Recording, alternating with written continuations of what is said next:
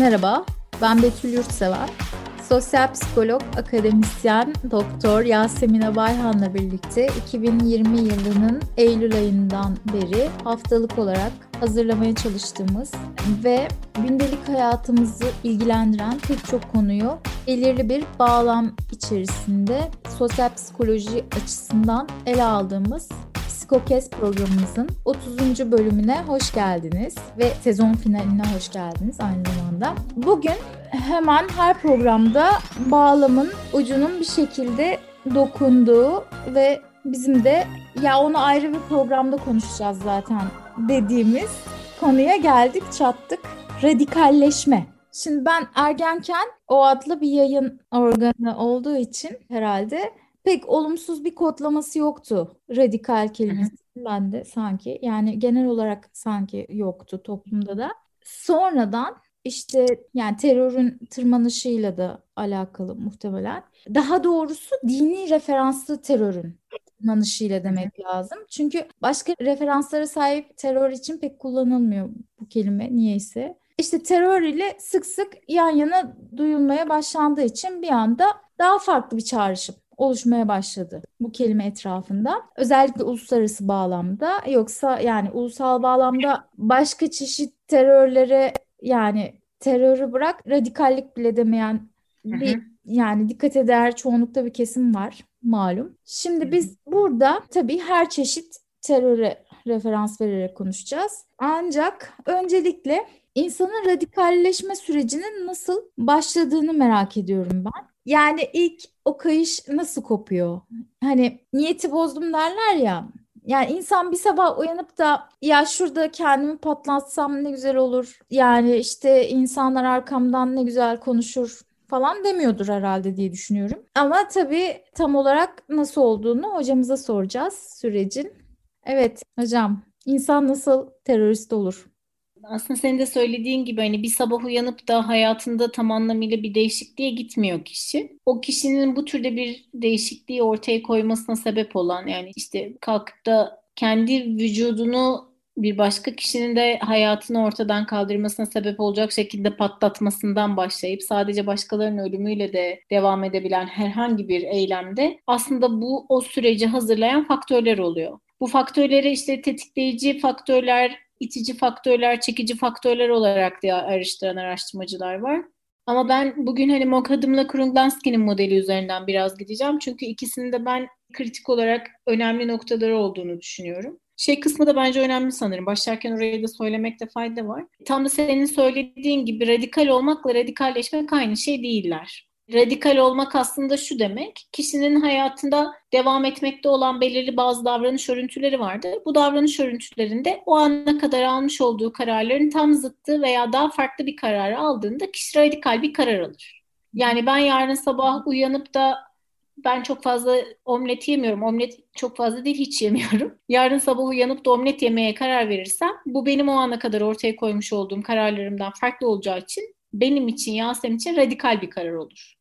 Ama radikalleşme dediğimiz şey ki bazı yerlerde bunu aşırıya kaçan olarak da çeviriyoruz biz Türkçe'de. Radikalleşme ise bireyin ortaya koyduğu davranışların gitgide şiddetle birlikte anılması ve herhangi bir terör eyleminin de kişi tarafından meşru olarak algılanmasıyla karakterize bir süreç. O yüzden de hani her radikal davranan radikalleşir mi? Radikalleşmez. Bunun öyle olması gerekmiyor ama şiddeti meşru görmeye başlamak aslında radikalleşmenin en kritik basamaklarından birini de ortaya çıkartıyor.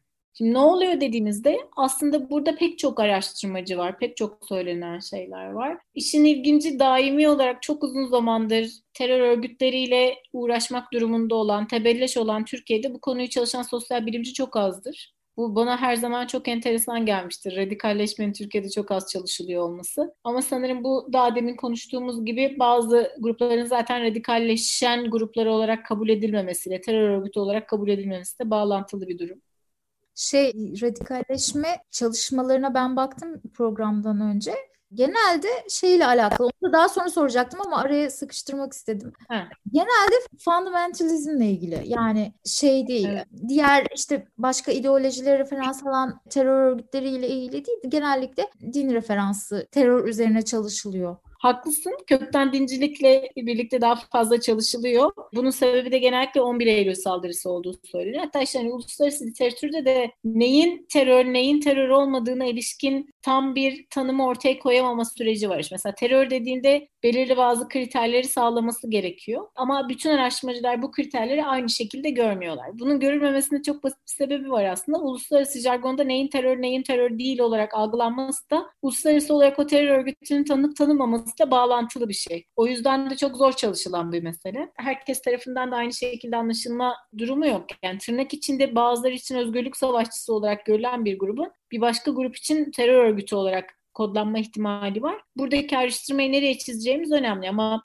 yani benim baktığım perspektiften kabul edeceğim şey kişinin kendi hayatında yaşadığı herhangi bir zorlanmanın kolektif bir zorlanmayla birleştiği noktadan itibaren alternatif olarak ortaya koyacağı davranışta eğer bir şiddet davranışını aramaya başlıyorsa ben radikalleşmeyi genellikle buraya çiziyorum ve şiddeti daha meşru olarak görmeye başladığından itibaren bir meşruiyet kazandırdığı noktadan itibaren de bunu çizebiliriz. Burada eylemle ilgili de sınırı çizen araştırmacılar var. Yani bir kişi eline silahı almayıp da sadece radikal çevreyi oluşturuyorsa, radikal çevrede şu demek, radikalleşmeye katkıda bulunan, radikalleşme davranışının artmasını sağlayan ve şiddeti meşru gören anlatıların yer aldığı bir çevrede duruyorsa onu radikalleşme olarak görmeyen araştırmacılar var ama ben görüyorum. Çünkü aslında hem bir başkasının radikalleşmesine katkıda bulunmuş oluyor hem de şiddeti meşru görüyor. Buradaki kritik şey o meşruiyeti vermekle ilgili olan bir durum. Birazcık hani bu bağlamda da işte Mokadım'ın kuramı, Kruglanski'nin kuramları da biraz bunu söylüyor. Mokadım'ın bu konuyla ilgili belki okuma yapmak isteyen olursa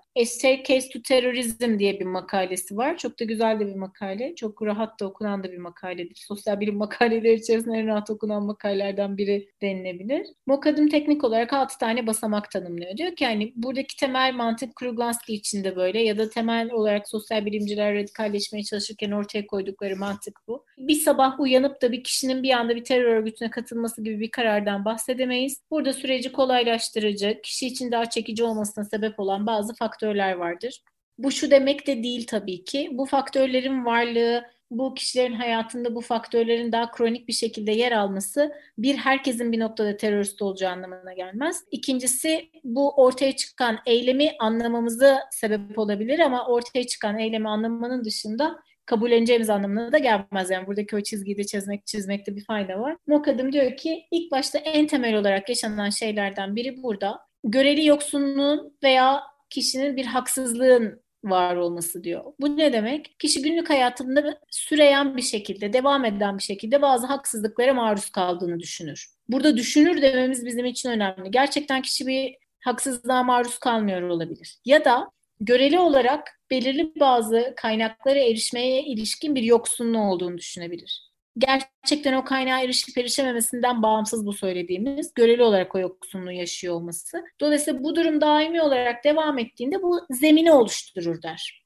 bir göreli yoksunluğun olması ve bir haksızlık algısının olması. Ama bu hayatımızda pek çok zamanlarda hepimiz için geçerli olabilen bir durum olabilir. O yüzden de çok da kritik bir durum ortaya koymaz. Ama birinci kata çıktığımızda, bir üst seviyeye geldiğimizde aslında yaşamakta olduğu haksızlıkları veya var olan yoksunlukların açıklanmasında daha doğrusu bunların üstünden gelebilmekte, bunlarla baş edebilmekte sahip olan legal yolların çok da yeterli olmadığını düşünmeye başlar. Sahip olunan legal yolların çok yeterli olduğunu düşünmemeye başlamasıyla, mevcut yolların yeterli olduğunu düşünmemeye başlamasıyla işte tek yolun başka bir şey olduğunu düşünmeye başlaması birdir aslında. Tek yol başka bir şey çıkıyor olabilir. İnsanlarla konuşarak, farklı düşüncelere bakarak daha çoğulcu bir formatta bu durumu çözemeyeceğini düşünmesi kişinin diğer görüşlerin hayat bulmasına ya da diğer görüşlerin devam etmesine artık çok istemediği bir noktaya getirebilir. Gitgide daha böyle bilişsel bir katılığın da ortaya çıkmaya başladığını göreceğiz. Daha sonrasında zaten o basamaklarda onu tanımlayacağız. Bir sonraki basamağa geldiğimizde Şimdi bu ana kadar kişi haksızlıklara maruz kalmış, göreli yoksunluğun olduğunu düşün, yani kendisinin belirli bazı süreçlerde yoksun olduğunu düşünüyor. Elindeki yolları deniyor, öğrenmiş çaresizliğinin de arttığı bir pozisyon var. Dolayısıyla bu nasıl bir duyguyu ortaya çıkartıyor? Beraberinde öfkeyi getiriyor. Bu ikinci kata geldiğimizde yani ikinci kat dediğimiz üçüncü basamağa geldiğimizde bu var olan öfkenin aslında bir persekütasyonla öfkenin yer değiştirdiğini ve öfkelenilmesi gereken süreçlerin dışında belirli bir gruba yönelik olmaya başladığı görülüyor. Şimdi terör örgütleri için baktığımızda bu belirli bir grup genellikle var olan siyasi erktir veya devlet yapılanmasıdır.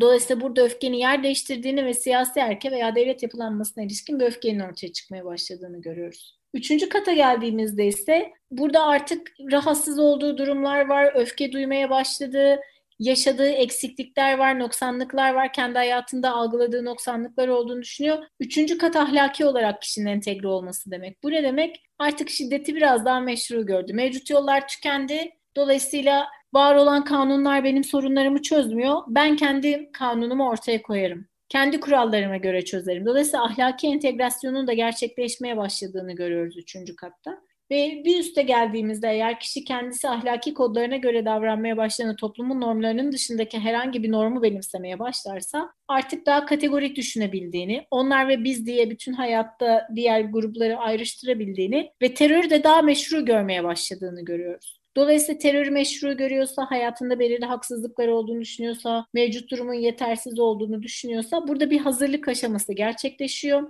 Ve bir üst kattaysa artık herhangi bir terör eylemine katılma ihtimalinin çok daha fazla olduğunu görüyoruz. Şimdi bu yapılanmadan bahsettiğimizde biri şu soruyu sorabilir. Hepimizin hayatında haksızlıklar var, hepimizin hayatında göreli yoksunluklar var. Bu silahı getiriyor mu diye sorabilir. Tabii ki getirmiyor. Ama buradaki kritik şeyler işte birazcık daha belki Kruglanski'nin modeliyle de tanımlanabilecek şeylerden bir tanesi.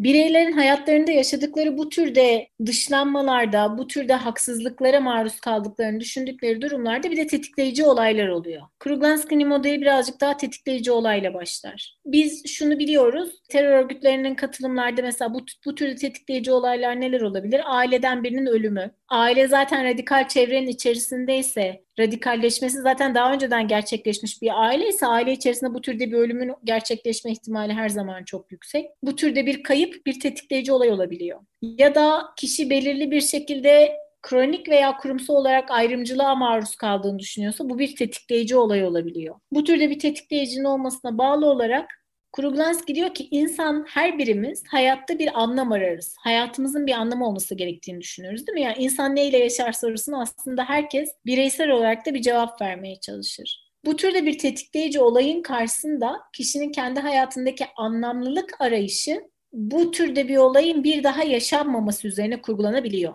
Benim varlık sebebim zaten işte belirli bir grubun elde etmesini istediği hakları elde etmesi çabası olabiliyor ve bu benim aslında bir noktada yaşamamın temel sebebine dönüşebiliyor. Dolayısıyla tetikleyici olay oldu. Ben buna bir anlamlılık atfettim ve bir yakınlık ihtiyacım var. Dışlanmak istemiyorum. Bir gruba ait olmak istiyorum. Bir grubun birey üzerindeki etkisi inanılmaz kuvvetli. Bunu seninle belirli başka zamanlarda da konuştuk. Bu türde bir yakınlık ihtiyacı teknik olarak iki tane farklı yolu daha getiriyor bu süreçte. Buna da biz bir anlatılar diyoruz. İkincisi bireyin içinde bulunduğu toplumsal ağlar diyoruz. Kültürel ağlar diyoruz. Şimdi anlatılar ve kültürel ağlar çok önemli belirli bir şekilde belirli bir zamanı terör örgütü içerisinde geçirmiş, daha sonrasında işte anılarını yazmış ya da itirafları olan bireylerin itiraflarına baktığımızda bütün literatürde böyledir. Çocukluktan itibaren belirli bazı sembollerle, belirli anlatılarla büyüdüklerini görürsünüz. İşte mesela yani Türkiye'deki en kritik anlatılar içerisinde ne vardır? İşte taziye çadırlarına gitmek. Çocukken hani örgüte ilişkin ilk anıları ne der? Taziye çadırlarında duydum örgütün ismini. İşte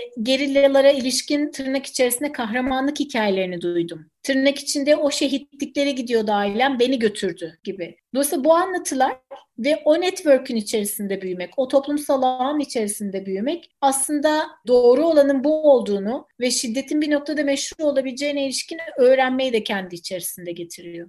Yani doğduğu andan itibaren böyle bir anlatının içerisinde büyümek, böyle bir network'ün içerisinde büyümek, daimi bir haksızlığın olduğunu düşünülmesi ve bir tetikleyici olayla aslında çocukluktan itibaren buna hazırlanmış olan bir grubun bir noktada bu davranışı gerçekleştirmesine sebep olabiliyor. Ama şeyi tekrar vurgulayalım yani bu hani ben radikalleşmeyi belirli bir zamandır çalışıyorum. Her zaman da vurgulamanın kritik olduğunu düşündüğüm bir şey bu. Bu davranışı anlamak, bu davranışı kesinlikle kabul ettiğimiz anlamına gelmiyor. Anlamak hak vermeye getirmez. Burada da bir hak verdiğimiz bir durum yok. Sadece nasıl olur mevzusundaki kritik şeylerden bir tanesi bu.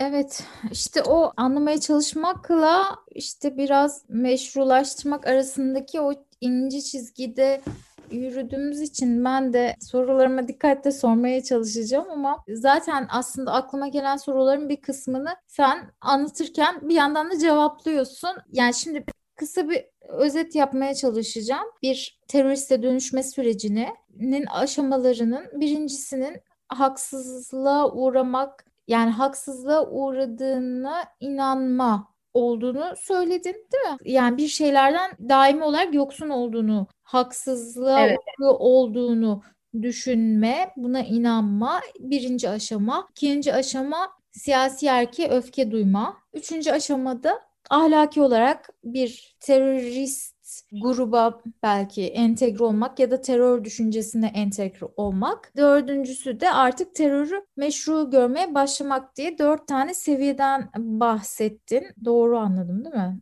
Evet. evet. En son aşamada da artık terör eylemlerine katılmaktan bahsediyoruz.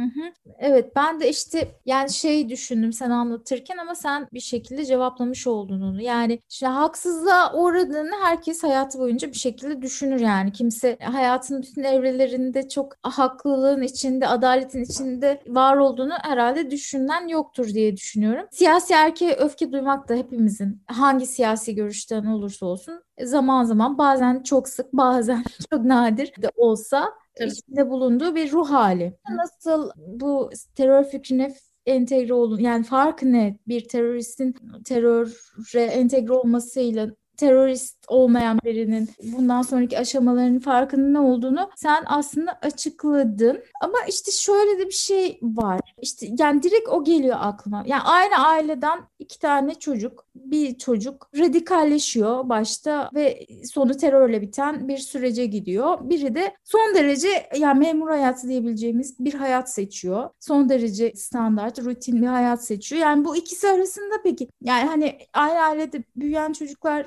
işte aşağı yukarı aynı koşullarda büyür falan filan ya veya öyle kabul ederiz. E bu ikisi arasında nasıl bir fark oluyor sence?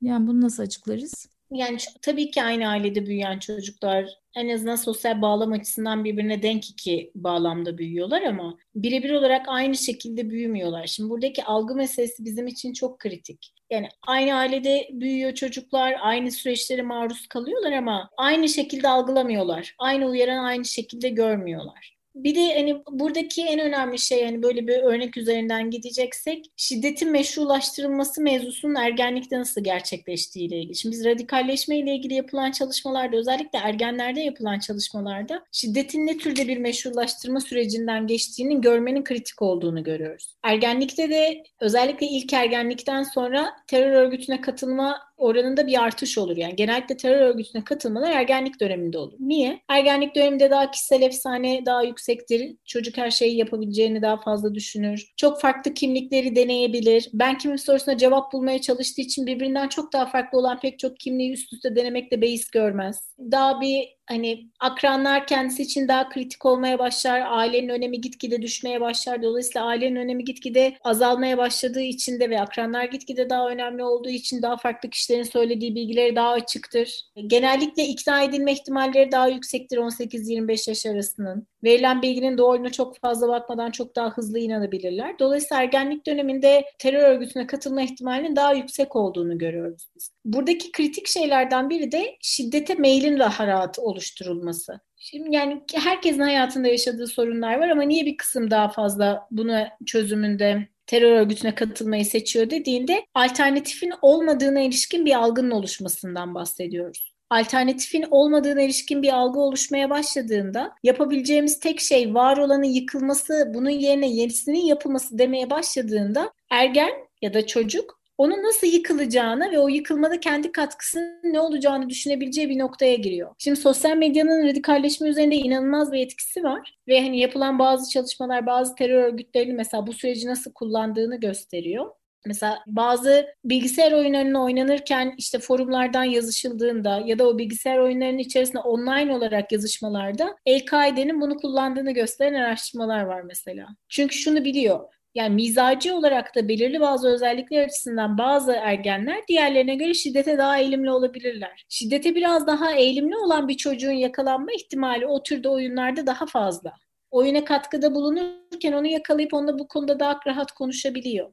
Şunu da biliyoruz mesela bir çocuğun sosyal medya üzerinden nasıl radikalleşebileceğine bakıldığında benim çok sevdiğim bir kavramdır. Bir araştırmacının makalesinde vardı. YouTube'a rabbit hole diyordu. Tavşan deliği. Çünkü herhangi bir konuya ilişkin bir arama yapmaya başladığında YouTube'da aslında bir zaman sonra başka hiçbir gerçek yokmuş gibi sadece o konuyla ilgili belirli bazı şeyleri görmeye başlıyorsun. Şimdi eğer biri böyle belirli bir terör örgütünün kullandığı bir iki kavramı oyun sırasında duyduysa ya bunlar nelerdir diye YouTube'da arama yapmaya başladıysa yan tarafta akan her şey aslında o videoyla bağlantılı olan videolar oluyor değil mi? Gerçeklik zeminini değiştiriyor. Dolayısıyla hani buradaki asıl kritik şeylerden bir tanesi kişinin haksızlığa uğraması, kendi hayatında adil dünya inancının düşük olması falan değil. Kişinin birazcık şiddete meyilli olması. Ya alternatif yolları denemek yerine bu yolları denemeye başlaması ben o yüzden belirli bazı filmlerin, belirli bazı dizilerin bazen çok tedirgin edici olduğunu düşünürüm açıkçası. Düşünmez değilim. Yani Türkiye'de çekilmiş pek çok dizide öyle bir şey vardır yani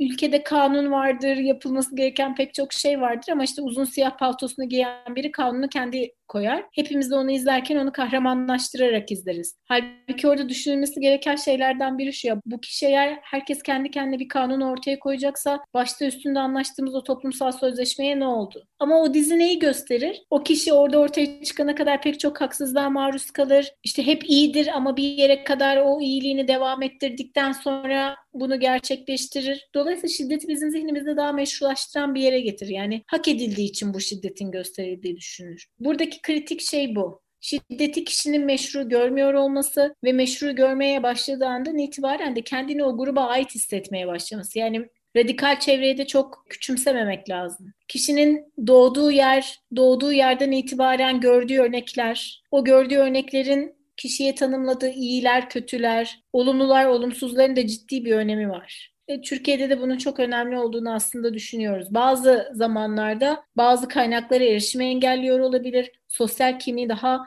kuvvetli olmasına sebep oluyor olabilir ve oradaki o erişimin engellenmesi, o alternatifsizliğin de bu sosyal kimlikten kaynaklandığını söylemek aslında bir şekilde terör örgütlerinin ekmeğine yağ sürüyor olabilir. Evet yani şimdi sen anlatırken böyle gözümde canlandırıyorum. Bir ergenim oturuyorum bilgisayar başına. İşte bilmiyorum sosyoekonomik durumumun da herhalde biraz etkisi olabilir. Bilmiyorum artık çalışmalar ne söylüyor bu konuda ama işte kurtulmak istediğim yani daha iyisini istediğim bir sosyoekonomik durumum var. Bunun belki içinde bulunduğum durumun dayanılmaz olduğunu düşünüyorum. Belki belki çok da şey değilim yani. Durumumun çok içler acısı olduğunu da belki düşünmüyor olabilirim. Ama işte açıyorum bilgisayarı işte yani interneti açıyorum. Bir takım işte terör örgütünün propagandasını yapan tweetler okuyorum, videolar izliyorum falan. Ama yani şimdi tamam terör örgütlerinin de çeşitleri var. Terörün de çeşitleri var. Yani ne bileyim bir kısmı dağda gerçekleşiyor. Bir kısmı çok alakasız bir şekilde maklube sofrasında falan da gerçekleşebiliyor yani. Ama şimdi şey diyelim işte dağ tarzı işte dağ ne denir? Geleneksel bildiğimiz işte terör diyelim. Açıyorum işte dağda insanlar işte talim yapıyor. Yok işte çöp topluyor yerden izmaritleri topluyorlar bilmem ne. Kadın erkek çok hallerinden memnun falan diye böyle izliyorum. Bundan peki yani sonuç olarak dağda yaşıyorlar. yani çok cazip. Yani bu hayatın nesi cezbediyor olabilir beni? Aynı kıyafetleri giyiyorlar işte kıyafetleri de kötü yani bilmiyorum. Kişiden kişi değişebilir zevkler ve renkler ama yani böyle çok da cafcaflı insanı böyle hani Nazi üniformaları vardır ya böyle işte karizmatik falan bulur insanlar zaten onun için yapılmış. Öyle bir şey de değil. Yani böyle saçma sapan şal var falan. Ya bana o görüntü tam olarak ne vaat ediyor da ben kendi bulunduğum yaşamdan daha iyi bir yaşama gidebileceğimi varsayıyorum ya da ben mi çok steril bir çevrede büyüdüğüm için bana öyle geliyor acaba? Yani bunu ben anlamlandırmak güçlük çekiyorum. Eminim pek çok dinleyen de güçlük çekiyordur bu konuda. Yani kuşkusuz kıyafetlerini hani SS subaylarındaki olduğu gibi Hugo Boss tasarlamamış ama o kıyafetin de bir forma gibi olmasının, her birinin tek tip olmasının bir sebebi var. Şimdi o tek tipleştirme aslında neye getiriyor? Bu bizim için önemli bir nokta. Buradan gitmek iyi olabilir. O tek tipleştirme bireyin bireyselleşmesini engelliyor. Bir terör örgütünün içerisinde herhangi bir şekilde bireyselleşme kabul edilebilecek bir şey değildir. Zaten biz duygusu bizim için önemlidir orada. Yani kişi kendi hayatını feda ederken bir grup için feda edecek. O yüzden de biz duygusunun daha fazlasıyla vurgulanmasını ister. Biz duygusunun üzerinden gidilmesini ister. Yani bu kısmına kritik oldu düşünür. Yani okumamış olanlar varsa belki hoşlarına gider bu konuyu. Yani en azından şu ana kadar dinledilerse podcast'ın belki de ilgileneceklerdir. Aytekin Yılmaz'ın Yoldaşını Öldürmek kitabı bu konuda iyi bir kitap. Orada şey görüyorsunuz yani radikalleşmeden deradikalizasyona geçerken deradikalleşmenin gerçekleşebilmesi için bireyin bir noktada bireyselleşmesi lazım. Ben diyebilmesi lazım. Yaptığı davranışın sorumluluğunu kendisinin alabilmesi lazım. Ben bir başkasının hayatını alıyorum diyebilmesi lazım. Biz dediğinde sorumluluğu bölüşüyorsun çünkü ve sorumluluğu bölüştüğünde o ben dediğin kadarki kadar ağır gelmemeye başlıyor kişiye. Şimdi dışarıdan baktığımızda biz hani işte, yani dağda ot yoluyor adamlar. Ne kadar zorlu bir hayat var. İnsan niye oraya gitmek ister diyoruz ya. Zor olduğu için de aslında oraya gitmek isteyebilir. Şöyle ki çok lüks her şeyin iyi olduğu bir yere gitmektense çok daha daha demin söylemiştim Kruglanski'nin kuramında hatırlayalım. Hani bir anlam atfedecek kendi hayatına. Bu anlam atfetmesi de dağda beş gün maydanoz yemesine rağmen belirli bir grubun özgürleşmesini sağlamak üzerinden gerçekleşiyor ve dıştan gelen herhangi bir baskıyla bunu yapmıyor. Kişi kendi hayatı için çok zor olacak koşullara herhangi dıştan gelen bir baskıyla veya dıştan gelen bir ödülle bunu yapmıyorsa şunu söyler bu benim için çok önemli olmalı çok önemli olmalı ki ben bu davranışı gerçekleştirmeye devam ediyorum. Yani kendi ortaya koyduğu o çabayı mazur gösterir kendisine. Dolayısıyla bu bizim için önemli o çabayı mazur göstermeye başlaması. Dağ koşullarının zor olması aksine oradaki bireylerin oraya daha fazla tutunmalarını sağlıyor. Çok kolay, çok konforlu bir yer olsaydı gruba kişi o kadar hızlı dahil de olmayabilirdi. Şimdi bazı gruplara dahil olmalarda seremonilerin zor olmasının sebeplerinden biri budur.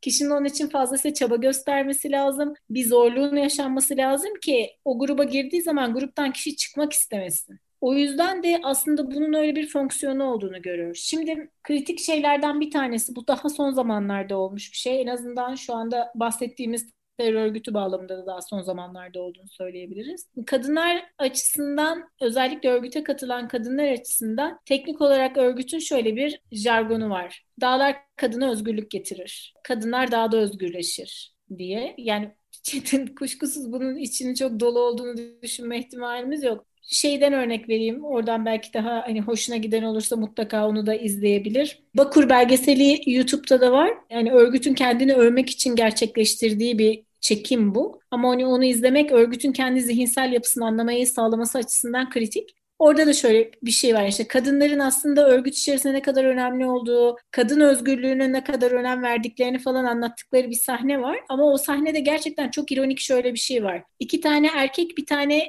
kadın militan oturuyorlar. Kadınların ne kadar özgür olduğunu konuşuyorlar ama kadın o sırada patates soyuyor. Şimdi o sahneye baktığında yani teknik olarak şunu söylüyor. Diyor ki toplumsal cinsiyet normlarından arınık bir yer daha sana özgürlük verecek. İşte diğer tarafta elde edemeyeceğin bütün buradaki o eşitsizliklerin hepsi ortadan kalkacak. Burada kadın erkek bir diyor. O kıyafetlerin bir olmasının sebeplerinden biri de bu. Halbuki öyle değil. Orada inanılmaz bir istismar var. Aynı zamanda kadın formunun da inanılmaz bir istismarı var. Aynı geleneksel rollerin orada devam ettiğini, toplumsal cinsiyet rollerinin devam ettiğini, hatta o toplumsal cinsiyet rollerinin üzerine kadın olmanın getirdiği bir istismarın da yaşandığını görüyoruz. Ama teknik olarak eğer o grup, o hedef grubu günlük hayatında Mokadam'ın kuramına dönelim. Yaşadığı haksızlıkların kadın olmaktan geldiğini düşünüyorsa diyor ki bak dağda kadın değilsin. Dağda kadın erkek herkes eşit. Sana orada vereceğimiz özgürlük başka yerde yok diyor. Ve hani bu terör örgütünün en temel söylemlerinden biri budur. Kadınları çok ön plana çıkartır. Buna ilişkin kendi yaptığı yayınlarda da sürekli bunu vurgular ve bu çok yani çok kullanışlı bir yalan açıkçası. Halbuki kadınların çok daha kötüye kullanıldığını görebilmek için birkaç tane yaşantıya bakmak sanırım yeterli. Evet. Ya da çok da lider pozisyonunda etkili bir kadın olmamasına da bakılabilir. Yani genelde böyledir ya cinsiyet eşitliğinden bahsedilen kurumlarda ya işte hiç kadın ön planda olmaz ya da işte böyle bir erkek bir kadın yönetici olur, kadın pasif olur falan. Böyle bir durum da oluyor. Aslında şeyi de cevaplamış oldun. Hani böyle radikal görünmek çok popüler bir şey ya. Ya işte ne kadar çılgın olduğunu gösterme. Özellikle işte sosyal medyada insanlar böyle bir profil çizmeye çalışıyorlar. İşte tabii yani radikallik belki denmez buna ama işte insanların mesela söylemlerini görüyorsun sosyal medyada. Çok uç söylem. Ne kadar uç söyleme sahipse biri o kadar fenomen oluyor mesela. Özellikle Twitter'da çok görüyorum ben bunu. Yani herhangi bir ideoloji de olabilir. Sağda olabilir, solda olabilir ama işte genelde böyle uç ve yani işte okumuş bence eğitimli insanlar için sahtekarlık olarak algılanması gereken ama niyeyse öyle algılanmayan söylemleri sahip insanlar çok popüler oluyor. Bir yandan böyle bir şey var. Yani herkes uç profillerde göstermeye çalışıyor kendini. Ama aslında pek çok kişi o tarz bir yaşam tarzının sonuçlarına çok da dayanamaz yani. Her ne kadar farklı bir propaganda yapılıyor olsa da bu konuda yani herkes çok mutluymuş gibi gösterilmeye çalışılıyorsa da işte terör örgütünün bizzat kendisi tarafından bunu da hayata anlamlandırmakla alakalı olduğunu söylemiş oldun. Şimdi bunlar bir yana. Gerillacılık bilmem ne bir yana. Yine bir ergenim ben veya ergen de değilim, bir yetişkin de olabilirim. Son derece standart bir insanım. İşte dini inancım var. Namazlarımı kılıyorum. Müthiş yani gerçekten çok makbul bir Müslümanım ve işte ne bileyim tatlı dilliyim çoğunlukla. İnsanlarla iyi geçiniyorum. İnsanları ikna kabiliyetim yüksek. İnsanlar beni abla olarak görüyor. Seviyorlar. Terör örgütümüzü değiştirdik arada sanırım. Ondan sonra hayatımda karıncayı incitmişliğim yok ya da en azından böyle bir insan olduğumu düşünüyor çevremdekiler. Ufak tefek işler yapıyorum veya evlendim, çocuk doğuruyorum, onu yetiştiriyorum. Ve işte yine kendi çevremde dini dersler veriyorum, bir şeyler yapıyorum. Ondan sonra Böyle güzel güzel orta sınıf veya ortanın belki biraz üstü de olabilir. Bir tık altı da olabilir ama standart yani böyle bir şeyim yok. Sürünmüyorum yani böyle e, ne bileyim dağa çıkayım gibi bir düşünce aklımın ucundan bile geçmez. Öyle bir standardım yok yani. Sonra bir gün bir şeyler oluyor. Yani çok saydığım insanlardan saygı duyduğum hatta manevi değer yüklediğim işte ne bileyim manevi yücelik yüklediğim insanlardan bir takım talimatlar geliyor ve ben bir teröriste dönüşüyorum. Bu nasıl oluyor? Bu, bu bambaşka bir süreç değil mi yani? Gerçekten bu beni şok ediyor. Yok, yani şöyle şeyi bir söyleyelim öncelikle yani FETÖ birazcık farklı bir terör örgütü. FETÖ'nün farklı olmasının sebeplerinden bir tanesi aslında tam da senin üstünde bastığın sebep normalde konvansiyonel olarak terör örgütleriyle ilgili bir şey söylerken biz şunu söyleyebiliyoruz. Terör örgütü üyesi terör örgütü üyesi olduğunu saklamaz. Yani işte bir PKK'lı PKK'lı değilmiş gibi davranmaz. Ne bileyim işte herhangi bir işte El Şabab'a üye olan herhangi biri El Şabab'da değilmiş gibi davranmaz. FETÖ'nün teknik olarak iki farklı süreci var. Bunlardan bir tanesi daha kamusal destek almakta olan ve daha tabanı tarafından da tırnak içinde söylüyoruz bu tabanı. Çünkü ben öyle çok düşünmüyorum. Tabanı tarafından destek alan bir görüntüsü var. Bir de aslında daha tırnak içinde yine yönetimi tarafından devam ettirilen aslında daha ajandalarının belli olduğu bir yer var. Şimdi bu terör örgütü bağlamında baktığımızda iki tane kritik sorunu getiriyor. Bir senin sorduğun gibi ben bu bağlantıyı bir türlü koramıyorum dememize sebep oluyor. Bu kamuya anlaşılması ya da pek çok kişi tarafından örgütün anlaşılmasına engel oluyor. Bir ikincisi uluslararası olarak da böyle bir terör sınıflandırması olmadığı için terör yani bu örgütü kimseye anlatamıyorsun. Öyle de bir problem oluyor. Yani sadece işte gizli bir şekilde bir vesayetle devam eden bir durumu da yok. Çünkü örgütün görünen bir yüzü de var değil mi? Olmadığını söyleyemeyiz. Yani ergenleri etkileyen eski futbolculardan tut da hala NBA'de basketbol oynayan, kendi soyadını değiştirip de Fethullah Gülen'in soyadını alan bir oyuncusu bile var. Bir de şey de değil. Yani inceleyen, araştırmaya çalışan da hiç ya ben en azından rastlamadım hiç fundamentalizm açısından bakmıyor. Yani sonuçta hani dini bir yapılanma ya aslında. Yani en azından başlangıcı o şekilde ama hiç o bakımdan da işte fundamental kök kökten köktencilik değil mi? Ya köktencilik ama bize niyeyse kökten dincilik olarak kullanılıyor. Ya bu açıdan da hiç bakılmıyor. Bu da bana enteresan. Yani ben Arada o da... açıdan bakılmamasını doğru buluyorum açıkçası. Bunun sebeplerinden biri de şu yani hani ilgili örgüte ilişkin az biraz çalışmış bir insan olarak. Çünkü bu örgütün büyük bir ihtimal diğer örgütlerden farklı şöyle bir durumu var. Bu örgütün içerisinde yetişmiş olan ve herhangi bir şekilde bir terör örgütü üyesi olarak yetiştirdiğiniz kişinin bir girdiği herhangi bir gruba sızma korumak gibi birincil bir amacı var. Yani liberal grupta herkesten daha liberal, sosyalist grupta herkesten daha sosyalist, muhafazakar grupta herkesten daha muhafazakar olabilir bu örgüt üyesi. O yüzden de bunun aslında bir dini yapıyla çok bağlantısı varmış gibi bu görüntü bence örgütün çok işine gelen bir şey. Türk Sol dergisinin başında yeri vardı ha. o geldi. Dolayısıyla hani buradaki yani o çok iyi bir örnektir aslında zaten gerçekten Türk Sol'un başına gelmiş olan arkadaş. Hani daha sonra çocukluğuna ilişkin videolar çıktığında ne görüyoruz orada? Fethullah Gülen için şiir yazmış olan birini görüyoruz ama daha sonraki süreçte onun arasındaki bağ kurabiliyor muyuz? Kuramıyoruz. Bence bu türde bir örgüte baktığımızda sosyal psikoloji açısından ciddi anlamda çalışılabilecek bir örgüt orası yani. Grup aidiyetinin çok yüksek olduğunu, biz kavramının çocukluktan itibaren otur oturtulduğunu, bu örgüt bağlamında baktığımızda aileyle olan bağların gitgide zayıflatıldığını, aile yerine aslında bireylerin başka bireyler tarafından kendilerine söylenen verilen talimatları dinlemeye başladığını görürüz. Yani örgütün içerisinde o hiyerarşik yapılanmada abi abla kelimesine öylesine seçilmiş kelimeler değiller. Birine anne veya baba dedirtemeyebilirsin ama abi ve abla dedirtebilirsin ve anne ve babadan sonraki birinci derece akraba kimdir? Abiyle abladır. Şunu da biliyoruz mesela örgütün içerisinde örgüt için yapılan fedakarlık davranışının çok daha puanlanma sistemi açısından çok daha büyük bir puanı getirdiğini, çocukluktan itibaren semboller isimlerin kullanıldığını, yani 7-8 yaşındaki çocukların, 7-8'den biraz daha büyük diyelim, 10-11 yaşındaki çocukların namaz kılmak için kalktıklarında evin içerisinde üstüne gül suyu dökülmüş bir iki tane terliğin konulduğunu, bu terlikler niye burada dendiğinde hoca efendi ile peygamberimiz geldiler sizinle beraber namaz kılacak denip gül suyu dökülmüş seccadelerin konulduğunu biliyoruz. Yani bugün geriye dönüp de bu yaşantıları yaşamış kişiler bunları bize anlatıyor. Şimdi geriye dönüp de bu yaşantıları yaşamış kişiler bunları anlattığını ya 11-12 yaşındaki bir çocuğa bu türde bir endokrinizasyonla gidersen o çocuk büyüdüğü zaman gerçekten başka bir gerçekliği kabul etmiyor. Yani burada var olan başka bir şey var. Sizin yaşadığınız ciddi başka bir sıkıntı var. Bakın bu bir kehanet grubu, bir terör örgütü dediğinde o kişinin bunu anlama ihtimali olmuyor. Ve o senin daha demin verdiğin örnekte olduğu gibi o tırnak içerisinde kendinin makbul olduğunu düşünüyor. Bu aynı şey ciddi anlamda bu terör örgütünün ortaya koyduğu bazı saldırganlık girişimlerinde de görülmedi mi?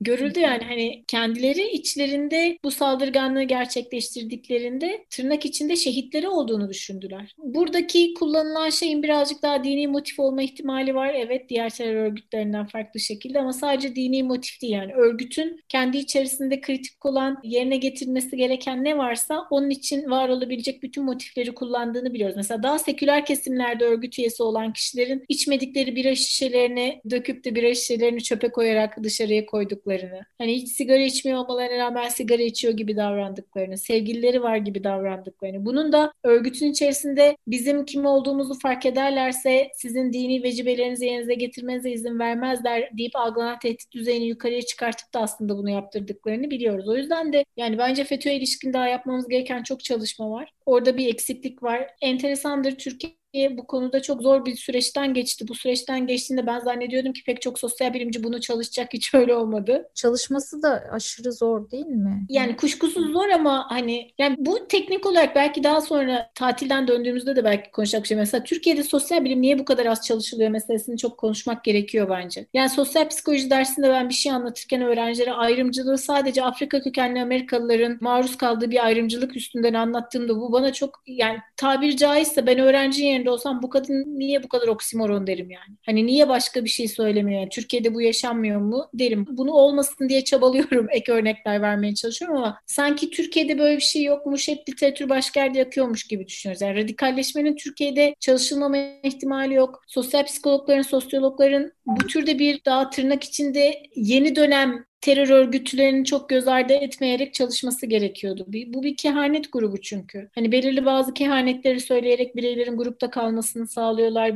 Bilişsel çelişkiyi kullanıyorlar. Grup aidiyetini çok iyi formüle edebiliyorlar. Dolayısıyla hani bunları da çalışmak gerekiyordu. Çok zor çalış çalışması kabul ama yani bir sosyal bilimcinin de bazen böyle bir sorumluluğu var diye düşünüyorum yani topluma karşı en azından. Bir sosyal bilimci şey sormalıydı yani tepemize bomba attı bu adamlar ne oldu?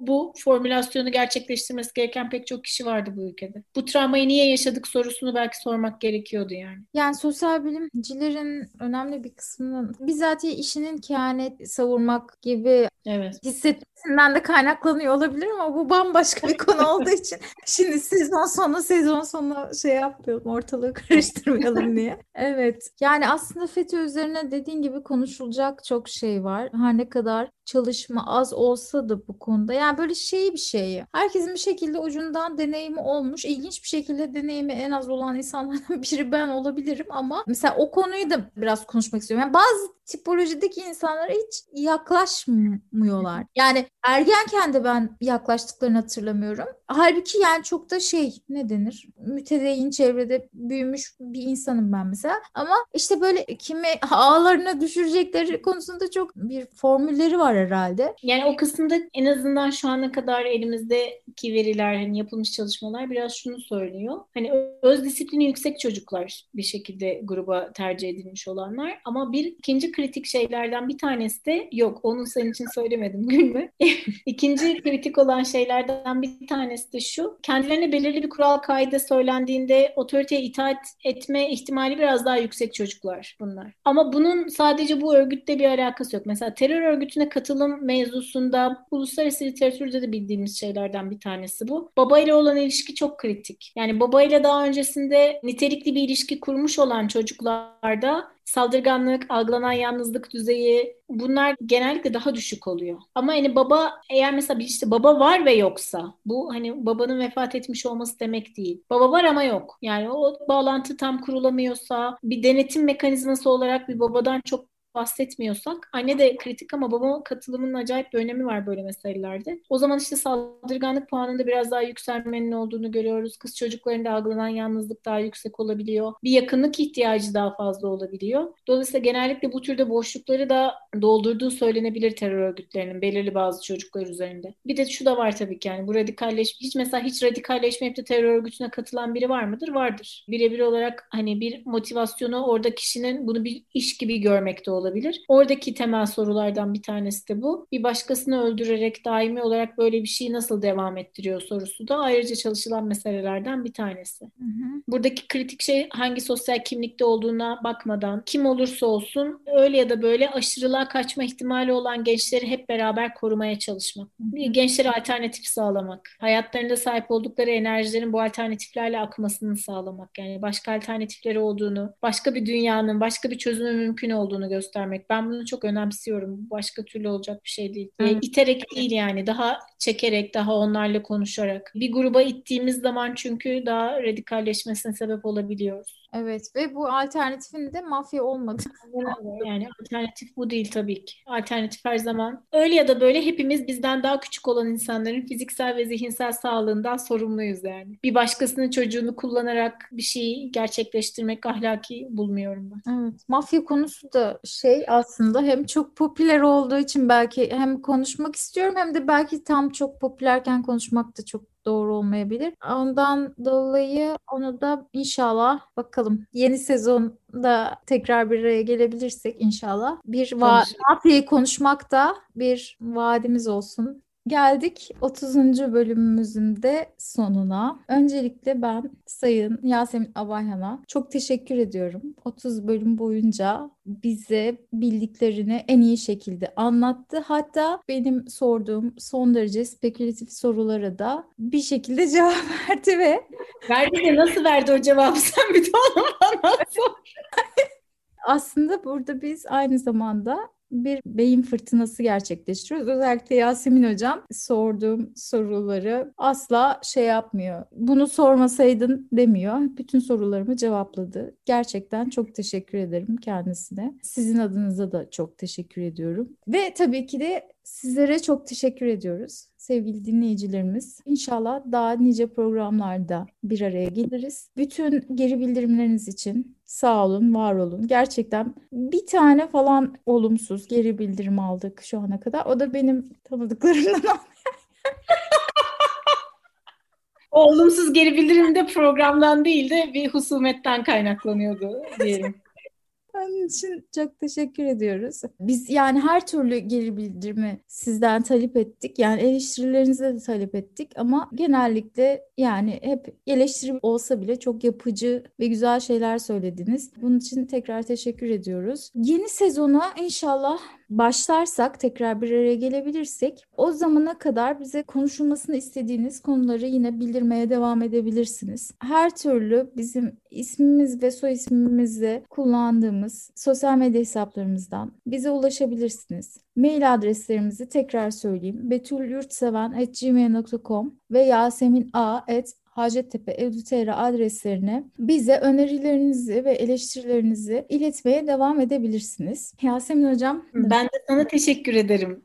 o kısmını da atlamayalım. Hani hem bu kadar özenli daha öncesinde çalışarak, beni zorlayarak bu süreci devam ettirdiğin için hem de gerçekten hani büyük bir ihtimalle bir yıl içerisinde sorulan her türlü soruya cevap verebilme konusunda beni geliştirdin çünkü hiç beklemediğim bazı sorular karşısında yaşadığım şokla yani bu refleksim gelişti. Hani şu andan itibaren kim bana ne sorsa cevaplayabilirim. Yani hani o yeteneği bana geliştirdiğin için ayrıca teşekkür ederim. Çok keyifli geçti 30 program boyunca. 30 program olmuş olması da şaşırıyorum yani. O kadar olduğunu da bazen düşünmüyor insan. Ama hani çok keyifli, çok güzel geçti. Umarım bundan sonrasında da bizim için daha keyifli olabilecek. Daha güzel konuları konuştuğumuz, daha böyle bir krizin üzerine çekmek zorunda kalmadığımız öyle programlarımız da oldu. İşte mesela Filistin meselesini öyle yapmak zorunda kalmıştık. Çünkü çok rahatsız ediyordu bizi o durum. İnşallah öyle değil de daha böyle keyifli olan meseleleri biriktirdiğimiz ve çekebildiğimiz zamanlar olur. Dinleyen herkese gönderdikleri geri bildirimler için, söyledikleri her şey için ben de teşekkür ederim. Akıllarında olan daha sonrasında keşke bunu konuşsaydınız dedikleri bir şey varsa ya da keşke bunu şöyle konuşsaydınız dedikleri bir şey varsa onu niye öyle konuşamadığımızda belki açıklayabileceğimiz bir durum olabilir. Onları da yine bize gönderirlerse sevinirim. Evet yani dediğin gibi inşallah daha az şiddet konusunu konuştuğumuz daha çok birini kendimize nasıl aşık ederiz gibi konuları konuştuğumuz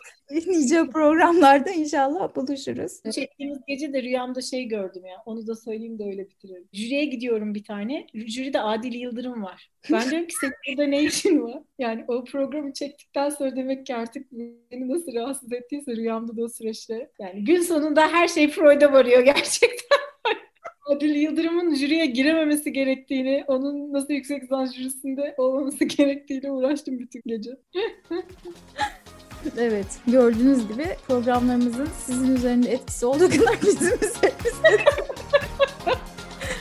evet, başka bir zamanda, başka programlarda görüşmek dileğiyle. Esenlikle kalın, kendinize çok iyi bakın. Hoşçakalın.